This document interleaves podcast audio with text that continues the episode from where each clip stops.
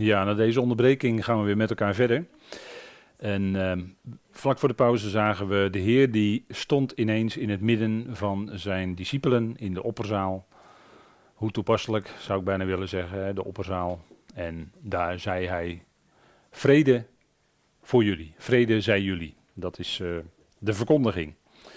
En later zou, dat, zou de Heer dat via de apostel Paulus nog veel dieper laten zien. Dat het niet alleen de shalom is, maar werkelijk verzoening. De verandering, hè, de grote verandering, de kat alasso. De verandering. Ja, dat is geweldig. Wij lezen in, uh, als we verder gaan, wij lezen in vers 17 van Efeze 2. En in zijn komen verkondigt hij als evangelie vrede aan jullie die veraf en vrede aan hen die nabij waren. Nu is dat een woord wat we bijna letterlijk ook in Jezaja vinden. Jezaja 57, vers 19. U ziet het daar staan. En daar gaat het, maar we letten altijd op de context. Daar staat: Ik schep de vrucht van de lippen, vrede, vrede. Voor wie ver weg is en voor wie dichtbij is, zegt Yahweh. En ik zal hem genezen. ziet u dat dit woorden zijn die Paulus geschreven heeft in Efeze, waarbij hij ongetwijfeld deze woorden van Jezaja voor ogen heeft gehad. Dat kan bijna niet missen. Want het is echt bijna één op één overgenomen. Alleen nu moeten we wel opletten dat het in de context van Jezaja, Jezaja was een profeet, een ziener, die geweldige dingen heeft gezien over de toekomst van Israël. Maar Jezaja kon niet verder kijken dan de Eon of de Olam. En dan zei hij soms en verder. En dat en verder slaat dan in feite, weten wij achteraf, op de nieuwe schepping. Maar hij had het vooral over, de komende, over het komende koninkrijk. En daar gaat het hier in Jezaja 57 ook over. Als de Heer zelf zijn geest zal geven aan Israël onder het nieuwe verbond. En dat is nog toekomstmuziek voor Israël, dat het daadwerkelijk in werking gaat. Het nieuwe verbond. En dan zal hij de vrucht van de lippen schenken, scheppen, staat hier, scheppen. Ik schep de vrucht van de lippen. Vrede, dus shalom, shalom, wordt twee keer gezegd. Voor wie ver weg is, dat is voor de Israëliet die nog in de verstrooiing is, die ver van het land is, die nog ver weg is.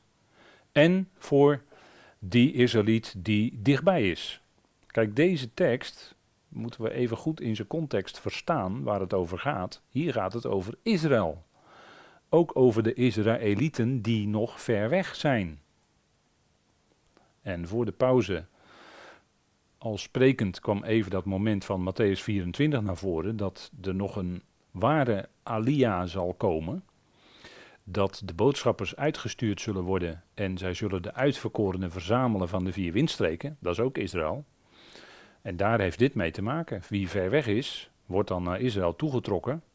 En die zal ook die shalom, vrede, vrede, shalom, shalom, welzijn eigenlijk, hè, dat begrip shalom betekent welzijn, en dat kun je dan ook geestelijk dieper opvatten voor Israël dan dat men dat nu bedoelt als men zegt shalom tegen elkaar daar in het Midden-Oosten, in Israël. Zegt men shalom of uh, de Arabier zegt dan salam. Hè. Of wat zeggen ze daar? Salam aleikum geloof ik. En die shalom die ze elkaar toewensen, dit is natuurlijk dieper door de profeet bedoeld. De shalom die er zal zijn als de Messias daar is. Die shalom, als hij komt als redder.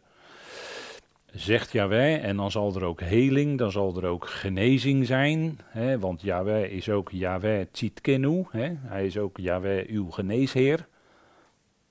En dan zal dat volk ook genezen. Ook in de letterlijke zin, dan zullen de lammen lopen, de blinden zullen zien. Niet alleen geestelijk, maar ook letterlijk. Dat, dus zo zal het zijn natuurlijk in het koninkrijk.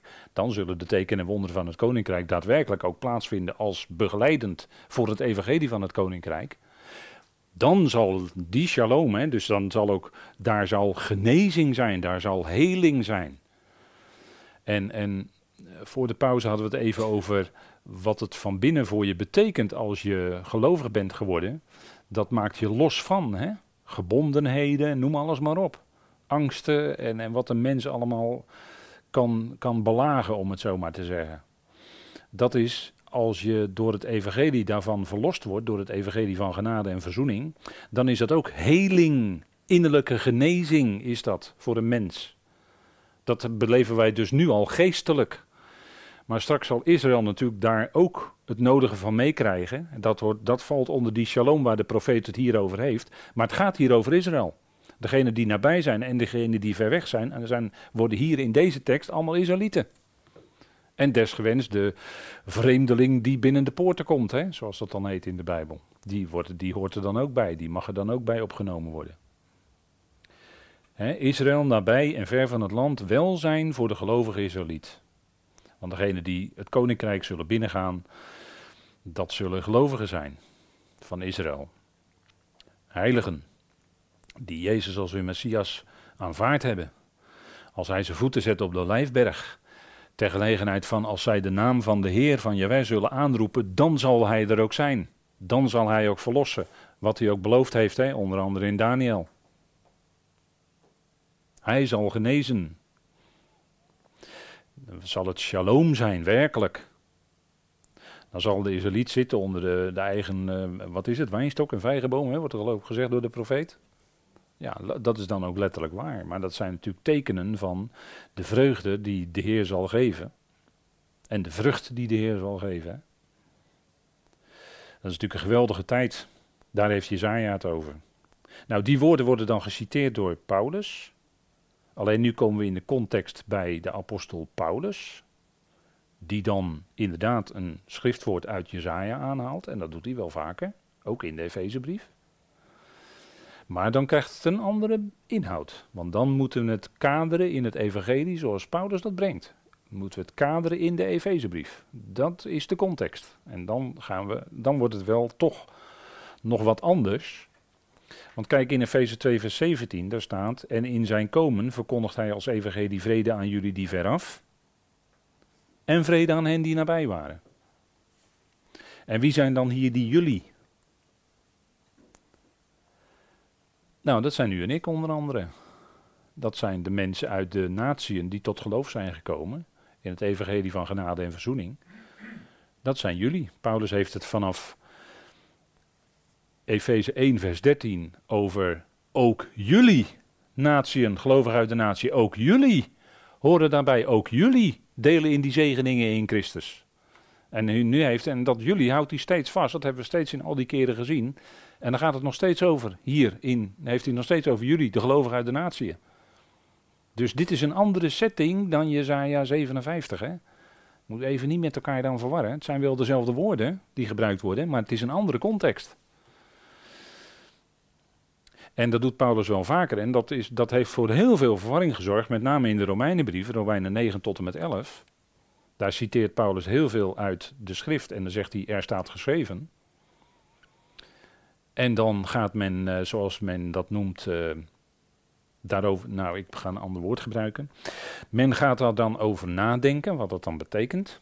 En dan komt men tot de conclusie, is men tot de conclusie gekomen dat de gemeente, of zo u wilt, de kerk, het geestelijk Israël is. En zijn ze eigenlijk in de plaats van Israël gekomen. En weet u hoe dat komt? Dat komt omdat men op een verkeerde manier de citaten die Paulus doet vanuit Tenach, die hij dan aanhaalt, meestal uit de Septuagint, op een verkeerde manier toepast en de betekenis vanuit Tenach gaat meenemen in de Romeinenbrief, terwijl hij het andersom moet doen. Je moet die Romeinenbrief, het lezen in de context van de Romeinenbrief, het evangelie van God wat Paulus daar brengt. En dan krijgt het een andere setting. En ik geef, nu hebben we typisch in de Efezebrief dan zelfs een voorbeeld daarvan hoe je dan in verwarring zou kunnen komen. Maar Efezebrief is dus een andere context dan Jezaja. En die vrede die Paulus daar verkondigt in Efeze gaat veel dieper en veel verder. Is een geestelijk veel diepergaande vrede dan de shalom die in Jezaja gemeld wordt. Daar wist Jezaja niks van. Dat is een enorm verschil hoor. En om die dingen moet je, daarom hameren we er altijd op. Lees de schrift in zijn tekstverband waar het in staat. Dat houdt je uit de verwarring. En hier kun je niet anders dan, dit is de context van de Efezebrief. Dan ben je dus gehouden om die context toe te passen.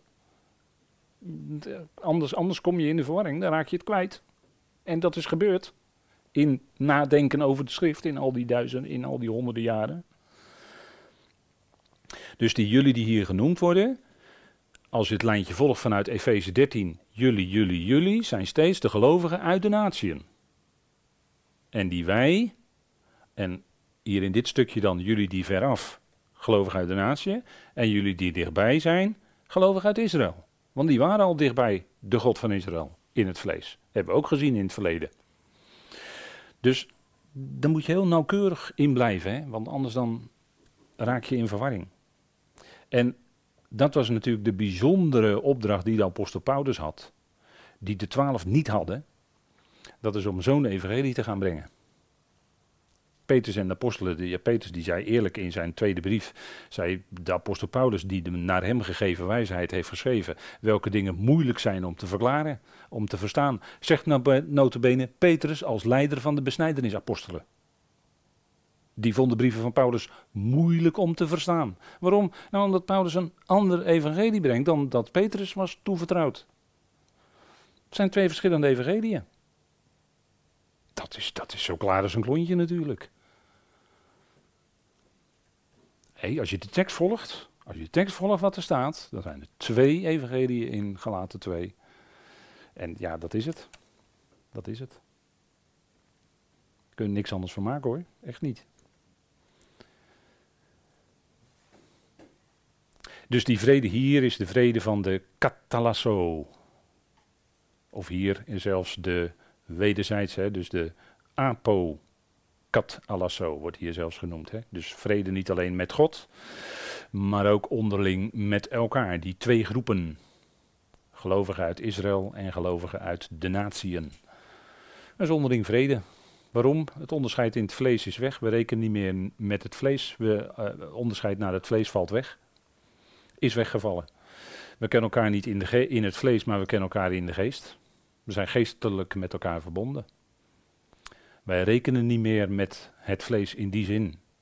Vleeselijk kom af, speelt geen enkele rol. Of je nu Jood bent of een Griek, of dat je afkomstig bent uit Israël of uit de natieën. Naar het vlees, dat speelt geen enkele rol in deze tijd. We zijn een geestelijk lichaam in Christus. Hebben we voor de pauze nog maar eens een keer herhaald. Hè? U weet dat, maar het blijft altijd goed om dat ook te herhalen. Hè? Dus dat onderscheid in het vlees is volledig weggevallen. We zijn één in Christus. En dat is natuurlijk geweldig hè, als je daaruit kan leven. Als je daaruit op die manier met elkaar kan omgaan. Hè. Het is vrede. We zouden de band van de vrede toepassen. De geestelijke eenheid hoeven we niet te maken, die is er al. Maar die zouden wij bewaren, zegt Paulus. Bewaren, bewaken met de band van de vrede. En dan is er die zevenvoudige eenheid van de geest. Nou, daar werd, daar werd vanmorgen in Duitsland over gesproken door de broeder Wietstok. Heel nadrukkelijk de eenheid van de geest, zeven punten. Heel, heel nauwgezet, precies de schrift gevolgd. Zevenvoudige eenheid van de geest, dat is het. Eén lichaam. Dat is voor je wandel, dat is voor je gedrag. Eén lichaam, zegt Paulus. Ja, dat beleiden wij, daar leven wij uit. We zijn één met al die gelovigen en we kijken niet naar naambordjes. Kom jij uit die gemeente of die kerk of die groep, weet ik waar, waar je... Het speelt allemaal helemaal geen rol, toch, voor ons? Nou, dat, dat is wel een citaat uit Jezaja 57, maar in een andere context gezet. En dan krijgt het een specifieke betekenis. Hè? Jullie die veraf, we memoreren nog even vers 13. Jullie die veraf waren, zijn nabijgekomen, zegt Paulus, in het bloed van Christus. Dus was niet via bemiddeling van Israël bloed van stieren en bokken. Nee, ze zijn erbij gekomen en meer nabij kan niet. In het bloed van de Christus. Daar, dat was het bloed wat werkelijk spreekt. Dat spreekt beter, zegt de Hebreeënbrief, dan bijvoorbeeld het bloed van Abel. Om maar eens een van die betere dingen uit de Hebreeënbrief te noemen. Hè? Op zich ook een geweldige studie waard hoor. Alles wat beter is in Hebreeën. En Hebreeën wil de gelovige Israëliet meenemen naar het geweldige evangelie wat Paulus verkondigt. Dat is de missie van Hebreeën. Hè? En jullie die veraf waren zijn dus nabijgekomen in het bloed van de Christus. Vrede is het resultaat van de wederzijdse verzoening. Jullie, daarmee worden de natieën aangegeven en daarmee kunnen wij ook van harte zingen. Vrede, zij u.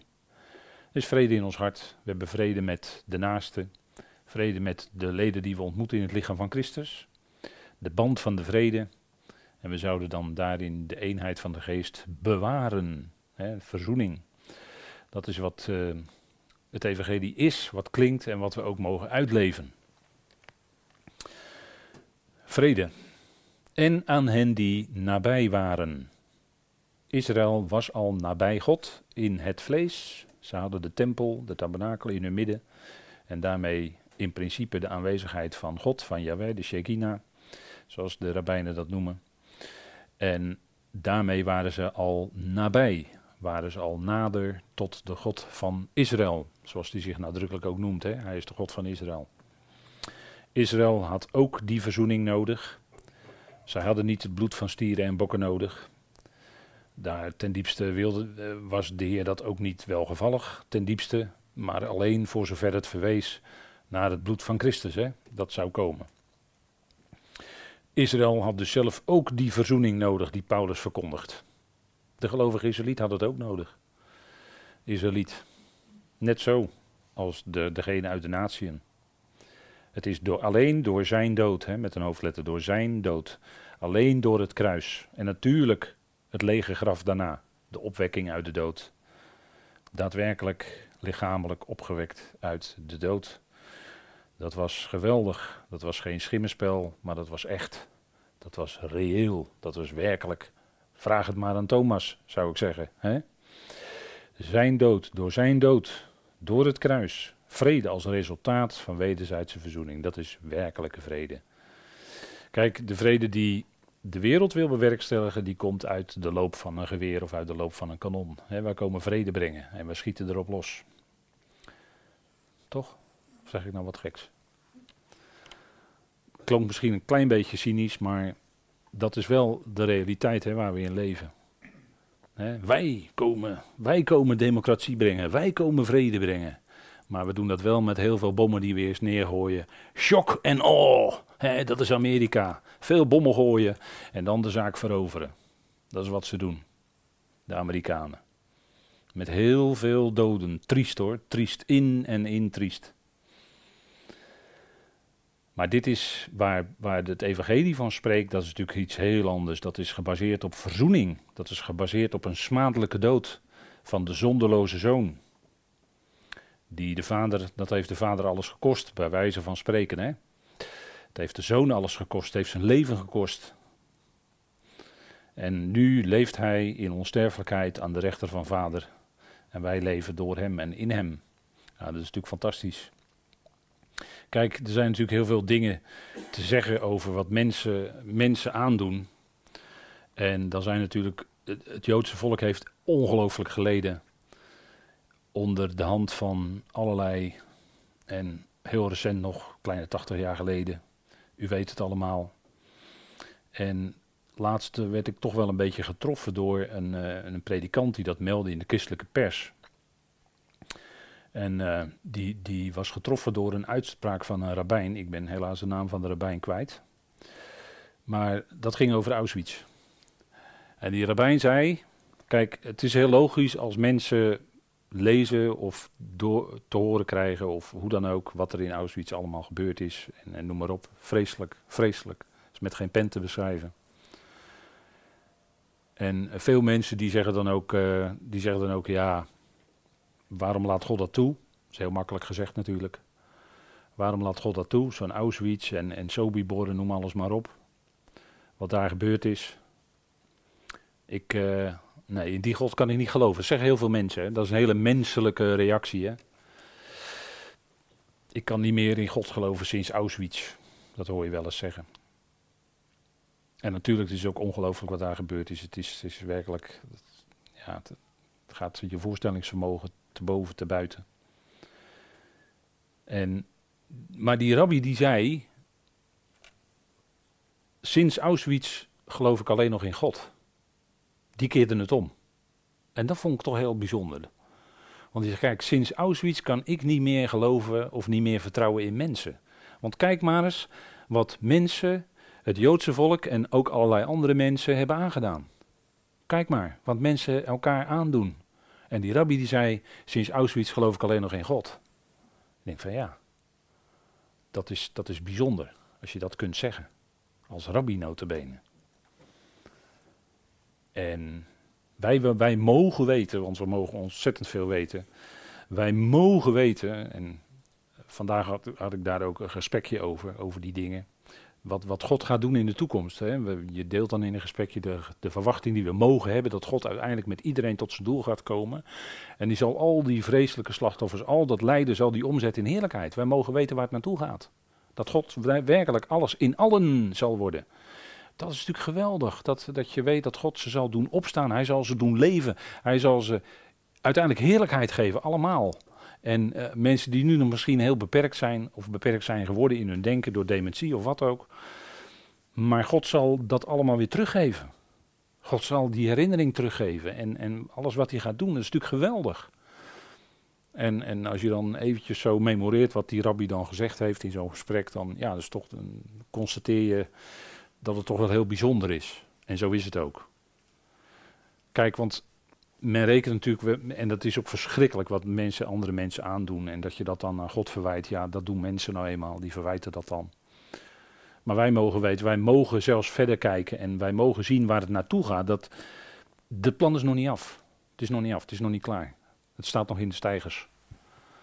Pas als het plan echt af is, dan mogen we bij, dan zijn we bij God en God alles in al. En dan krijgen we ook alle antwoorden.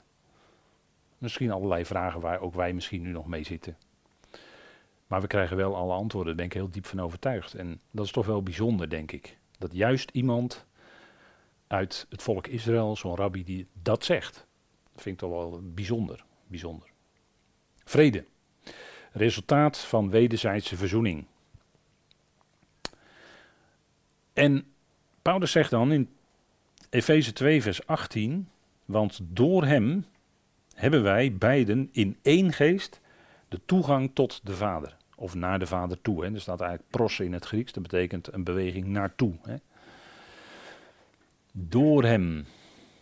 Dat is natuurlijk geweldig. En ja, zo'n, dat heb je dan als gelovige, dan ben je blij. En dan wil je eigenlijk wel elke dag zo staan zoals die persoon daar staat. Hè, met naar boven en dank u wel. Hè. Ik ga er maar vanuit dat hij dank u wel zegt tegen vader. Door hem hebben wij toegang. Dank u wel, vader, dat we vrije toegang hebben tot u. Dat is, natuurlijk geweldig. Er is geen belemmering meer.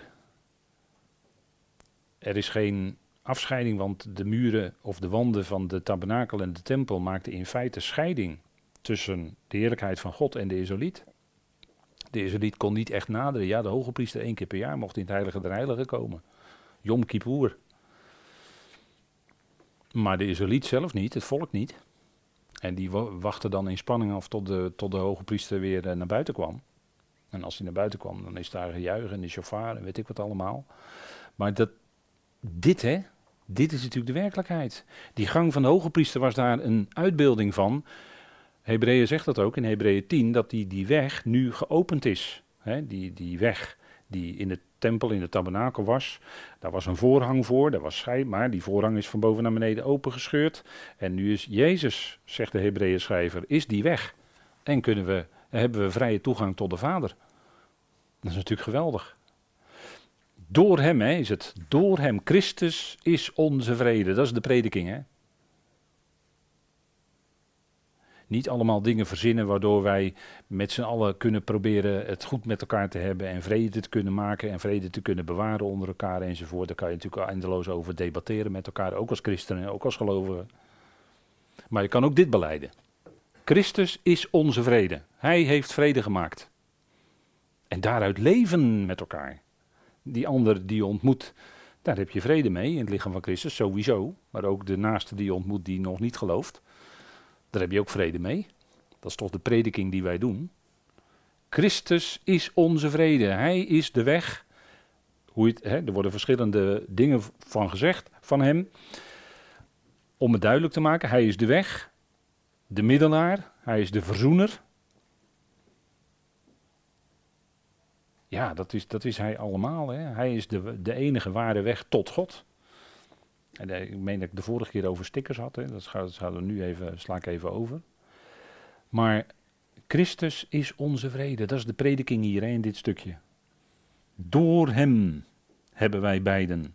Het kan ook niet buiten hem om. Dat is dan ook weer het exclusieve van Christus. Het kan niet buiten hem om. Hij is onze vrede. Dat is, dat is de prediking, hè? Ja, dat is heerlijk. Als je, dat, uh, als je hem mag kennen, dan ken je ook gelijk de weg naar de Vader. En die weg kunnen wij dagelijks in gebed bewandelen, om het zo maar te zeggen. En, en dat is fijn om de dingen aan hem voor te leggen wanneer, welk moment van de dag dan ook maar, of s'nachts, of eh, ja, hoe, hoe, dan ook. Maar je kunt altijd bidden. Dat is natuurlijk het voordeel, hè, waar je ook bent. In welke omstandigheid je ook bent. En ja, om nog even terug te komen op uh, het vreselijke wat gebeurde in de Tweede Wereldoorlog. Dan is altijd de vraag, waar was God? En dan zijn er toch diverse echt gelovige mensen die ervan kunnen getuigen dat ook in die verschrikkelijke omstandigheden hebben zij daadwerkelijk de aanwezigheid van God, van Christus, van de Heer ervaren. Daadwerkelijk ervaren. Ik, ik noem een boek Nacht und Nebel van Floris Bakels. Nou, u, u knikt, u hebt het misschien gelezen. Nou, die getuigt daarvan. In hele moeilijke omstandigheden. Maar had hij toch dat, dat besef, ja. Ja, ondanks die vreselijke, afschuwelijke omstandigheden. Ja, en anderen die hebben dat misschien niet zo ervaren, of velen hebben dat niet zo ervaren, omdat de omstandigheden te verschrikkelijk waren. Maar toch waren die er wel. En, en dat is toch wel bijzonder, denk ik. Als mensen daarvan achteraf getuigd hebben, en dat is uh, in, in boek hebben vastgelegd. Dat is toch wel bijzonder, denk ik, om dat zo te lezen. Door hem hebben wij de toegang, en dat was altijd de weg naar God toe, was altijd in het midden van Israël. Nadat Israël geroepen was als volk, was het de weg via Israël, de tabernakel, later de tempel. Dat was de toegang tot God en dat werd versmald tot één persoon van het volk. Maar wat mag Paulus bekendmaken? Wij hebben de toegang. de, de toeleiding, of de, ja, de naartoeleiding, de toegang tot de Vader. Paulus die meldde dat al in Romeinen 5, hè, door wie wij ook, hè, door Christus, door wie wij ook de toegang hebben verkregen in geloof, geloof van Christus, tot in deze genade waarin wij staan en roemen in verwachting van de heerlijkheid van God. Daar kijken we naar uit. Hè. Wij roemen in de verwachting van de heerlijkheid van God. En dat kun je ook doen, Paulus deed dat ook, in zijn lijden, in zijn druk en verdrukkingen roemde Paulus in de verwachting van de heerlijkheid van God. Kijk, dat is, zegt u, bovenmenselijke kracht. Precies. Dat is Gods kracht in jouw zwakheid. En daar gaat het maar om. Want het, het zou zijn kracht zijn en niet jouw eigen kracht. En hij zegt dat ook in Efeze 3, in wie wij de vrijmoedigheid en de toegang met vertrouwen hebben door zijn geloof. Nou, alsjeblieft, dat is heerlijk hè. Toegang, vrije toegang tot de Vader. Wat wil je nog meer dan dat? Dat is alles waard hè. Dat is heerlijk dat je God als je Vader mag kennen. Bij wie je alles mag melden wat in je hart is. Al je emoties en hij kent het allemaal. Dingen die meezitten, dingen die tegenzitten vooral. Hij kent het allemaal. En dat lijden, die druk, die verdrukkingen, die moeilijkheden, het kwaad wat je misschien overkomt of overkomen is, wat nog gevolg heeft in je leven. Het is alles van Hem. Het gaat niet buiten Hem om. En zetten altijd bovenaan wat de schrift zegt, dat God is liefde. Dat blijft natuurlijk altijd staan. God is liefde. Wat je ook overkomt, het gaat niet buiten Hem om. En het is nogmaals op weg, hè. We zouden nooit de weg naar het einddoel toe verwarren met het einddoel zelf.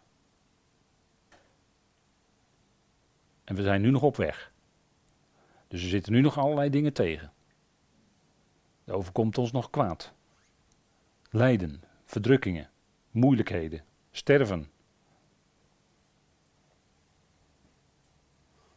Dat is wat ons, ja, dat komt allemaal nu op ons weg. En zo heeft Vader het vastgelegd in zijn plan.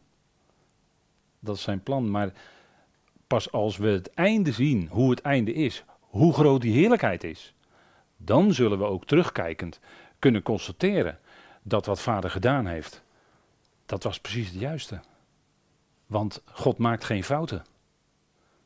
God mist nooit zijn doel, met wat hij ook doet. Hij mist nooit zijn doel. Ook zelfs als hij de tegenstander als tegenstander schept. Zelfs daarmee mist hij niet zijn doel, want hij doet, doet, doet precies wat hij moet doen in Gods plan. Totdat de tijd daar is en God zegt, nu is het genoeg. Poel des vuurs. Wij hebben de toegang tot de Vader. Vol vertrouwen, hè? daar spreekt Paulus over in Efeze 3. De toegang met vertrouwen. Geloof, vertrouwen, dat is hetzelfde. Hè? Geloof is vertrouwen in wat God zegt. Geloof is vertrouwen op God, ook al zijn je omstandigheden verschrikkelijk moeilijk. Als je dan kunt vertrouwen op God en dat God moet je ook dat geven natuurlijk, natuurlijk, natuurlijk. Als je dat mag ontvangen van God, dat vertrouwen, dat geloof in moeilijke omstandigheden, dat is heerlijk. En dat is wat God doet. Dat is alleen wat God je kan geven. Dat, dat kun je nooit uit jezelf creëren. Toegang met vertrouwen. Vader, wat u morgen doet in mijn leven, ik vertrouw op u. Mijn tijden zijn in uw hand, zei de psalmist toch? Of in uw hand zijn mijn tijden, staat de, de Hebreeuwse volgorde. Dat is toch zo? Dat is toch vol vertrouwen, die psalmist? En dat, dat zingen wij dan toch graag na. De toegang. De beiden, dat zijn natuurlijk die twee groepen, hè? gelovigen uit Israël en de volkeren. Nou, dat, dat hebben we bijna, zou ik willen zeggen, ten overvloede met elkaar besproken. Die beiden, dat zijn die twee groepen. En dat is wat, uh, ja, dat is natuurlijk heerlijk hè. Dat is allemaal één. Geen verschil meer in het vlees. Is het nu allemaal weg. En straks zal dat verschil er weer zijn. Als Israël zal staan aan de spits van de volkeren. Ze zullen de kop zijn en niet de staart, hè, zegt Deuteronomium. Ze zullen aan de spits van de volkeren staan. Dan in de komende tijden. Maar dan geldt het weer eerst nog wat meer en later nog minder in het vlees. Hè. In één geest, dat hebben we met elkaar ook al besproken, vanavond nog weer nadrukkelijk. Hè. Het is die ene geest. Dat is ook die een van die delen van die zevenvoudige eenheid. Het is één geest, zegt Paulus. Eén geest, die geest van God. En één lichaam, één verwachting van onze roeping één Heer, één geloof, één God en Vader, één doop. Is allemaal één, hè? Geweldig. In één geest. Het is diezelfde geest die ons leidt, zeggen we dan, door het leven. Maar dat gaat niet los van het woord, hè? Want uh, ja, je kan zomaar door verkeerde uitleg kun je zomaar in het spoor komen dat je zegt van nou, ik word door de geest geleid. Met andere woorden, dat woord heb ik dan niet meer nodig. Ja, maar zo werkt het niet hoor. Als je door de geest geleid wil worden, dan zul je dit moeten openen. Dan zul je hieruit moeten leren. Wil je door de geest geleid worden, dan heb je dit keihard nodig. Kun je niet zonder. Anders word je of geleid door je eigen hart, door je eigen vlees, of je wordt geleid door andere machten en krachten die zich soms heel vroom kunnen voordoen. Vandaar dat Paulus zegt één geest. Laat je niet misleiden. Hij moest tegen de Corinthiërs zeggen: als, jullie, als aan jullie een andere Jezus wordt gepredikt, dan verdragen jullie dat heel goed. Als aan jullie een andere geest wordt gepresenteerd, dan ontvangen jullie dat. Nee, we zouden daarom ook toetsen, alles wat op ons afkomt, aan die schriften, aan wat geleerd is, overgeleverd door Paulus. Dat is wat we natuurlijk heel nadrukkelijk blijven bij die ene geest, Heilige Geest van God. Die hebben we ontvangen. naar de Vader toe hebben we de toegang naar de Vader toe. En daar was Paulus, Saulus, die Paulus werd, geweldig dankbaar voor, ook in gevangenschap. En ik vind dit plaatje wel mooi. Het is een tekening natuurlijk, maar ik vind het plaatje toch wel mooi. Zo'n Paulus, uitgebeeld in gevangenschap met licht. En ondanks de ketenen straalt zijn gezicht. Dus dat is, ja, ondanks de omstandigheden, een stralend gezicht. De vreugde die eruit spreekt, hè, die in het hart is. Vrije toegang tot de Vader. Ook al ben je dan geketend en gebonden aan een soldaat in Rome of wat ook. En Paulus mocht geweldige dingen daar schrijven. Naar de Vader toe, hè. we hebben vrije toegang. En dat zal ook eens het deel zijn van iedereen. Iedereen zal dat uiteindelijk gaan ervaren. Alle mensen, die hele mensheid, de, hè, alle machten en krachten die nu nog in duisternis zijn, die zullen dat ook gaan ervaren. Vrije toegang, hè, de toegang in één geest naar de Vader toe. Ja, daar gaan we naartoe, dat is geweldig. En, en dat is ook de conclusie, hè, dat laatste stukje, Efeze 2, dat is concluderend. En ja, dan, dat, dat zorgt nog wel eens voor verwarring, dat laatste stukje. En dat is even heel kort drie punten, dan gaan we afsluiten. Maar hier concludeert Paulus, en dan gaan we in de komende keren hopen we daar natuurlijk wel wat dieper op in te gaan. Maar noemt hij drie voorrechten van de gelovigen, wij nu gelovigen, met de heiligen of de gelovigen van alle tijden. Wat we gemeenschappelijk hebben met de gelovigen, alle heiligen van alle tijden. Dus hier komt even een wat ander iets naar voren. In vers 19 tot 22 gaat het niet specifiek over specifieke zegeningen alleen voor het lichaam van Christus. Maar hier gaat het over gemeenschappelijke dingen die we hebben, voorrechten die we hebben met alle heiligen van alle tijden. Dat is een beetje de setting van diversen. Hè? Dus concluderend, Paulus bouwt op naar in feite toch een hoogtepunt is dat, eind van hoofdstuk 2. En de wijde betekenis is, en dat noem het even heel kort nu drie punten, dat we allen onder de regering van God zijn. Dat geldt voor alle heiligen van alle tijden. We zijn onder de regering van God. We zijn onder de regering van God. Ik kan ook zeggen het koninkrijk van God, want dat is uiteindelijk alomvattend. Het koninkrijk van God. Dus we zijn allemaal, hè, dat, dat wordt uitgedrukt door gezamenlijk burgers van de heiligen.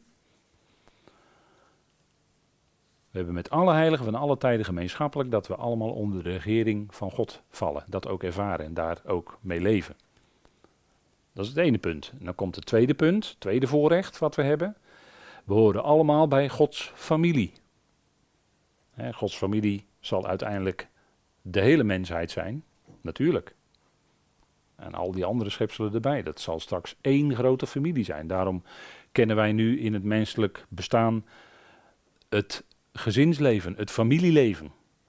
Dat is een uitbeelding van wat nog veel heerlijker en veel verder God gaat doen uiteindelijk met die hele schepping. Met die hele nieuwe schepping, met die hele nieuwe mensheid. Dat zal één grote familie zijn.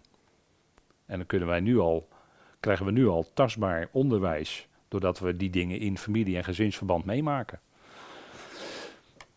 Nog, dat is voorrecht nummer twee. En dan tenslotte voorrecht nummer drie. Dat is, wij maken allemaal deel uit van Gods woonplaats.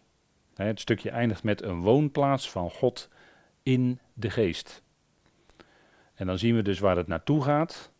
Het stukje begon in vers 11 van Efeze 2 met in het vlees, heel nadrukkelijk, werd twee keer genoemd.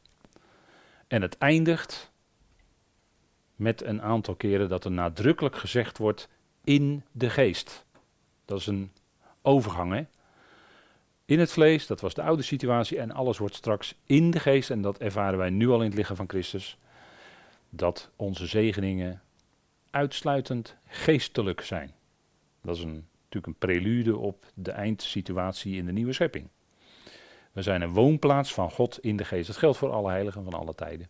In feite. Dus dat is voorrecht nummer drie. Een woonplaats. En daar was natuurlijk de tabernakel al een kleine uitbeelding van. Dat was een woonplaats van God. Later de tempel. Maar Salomo zei toch in zijn gebed, toen bij de inwijding van de tempel. dat een gebouw met handen gemaakt Jawel God helemaal niet kan bevatten. Dat zei hij toch? Tempels met handen gemaakt zijn veel te klein om u, God, te kunnen bevatten. Nou, dat is ook zo natuurlijk. Nee, die geest van God zal in de nieuwe schepping alles doordringen. En die hele nieuwe schepping zal zijn de woonplaats van God. Het zal een hele geestelijke nieuwe schepping zijn. En daarom is er op de nieuwe aarde al geen tempel meer nodig. Om te laten zien dat God zelf te midden van de mensen woont. Ik meen dat daar het woord tabernakelt ook wordt gebruikt, hè, scannen. Maar dat God zelf te midden van die mensheid woont als uitbeelding van hoe het uiteindelijk in het einde zal zijn als God alles in al is. Dan is helemaal nergens meer een muur of wat een tempel meer nodig. Natuurlijk, dan is God alles in alle. Dan is alles zijn woonplaats geworden. Daar gaan we naartoe. Maar dat is natuurlijk geweldig als je daarover, als je daar probeert iets bij te beseffen, na te denken. Ja, dat is fantastisch. Nou, laten we daarmee eindigen vanavond. We zullen afsluiten met gebed.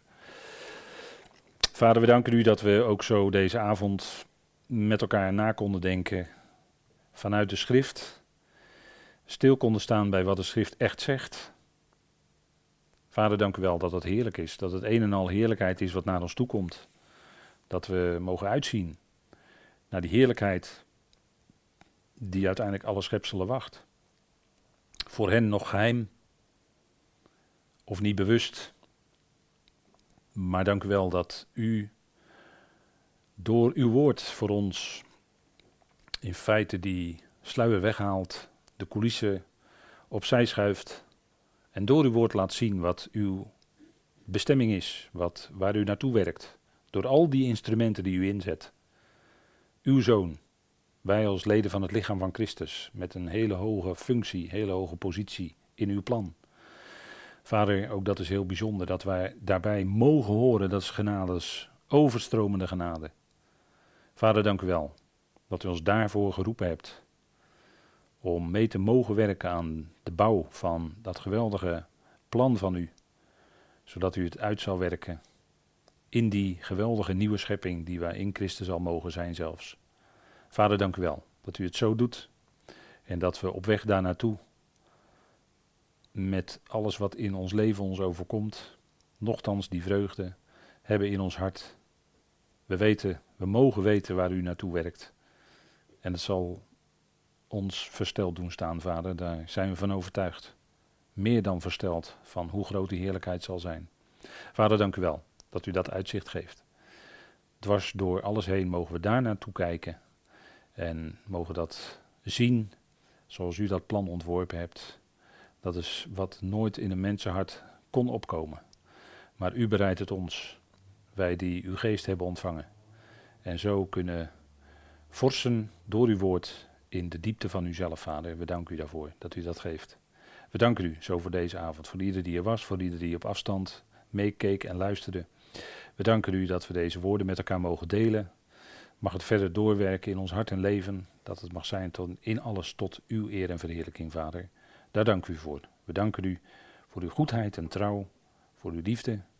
Dat we ook zo elkaar hier ook tussendoor mogen ontmoeten en met elkaar kunnen spreken en bemoedigen. We danken u daarvoor.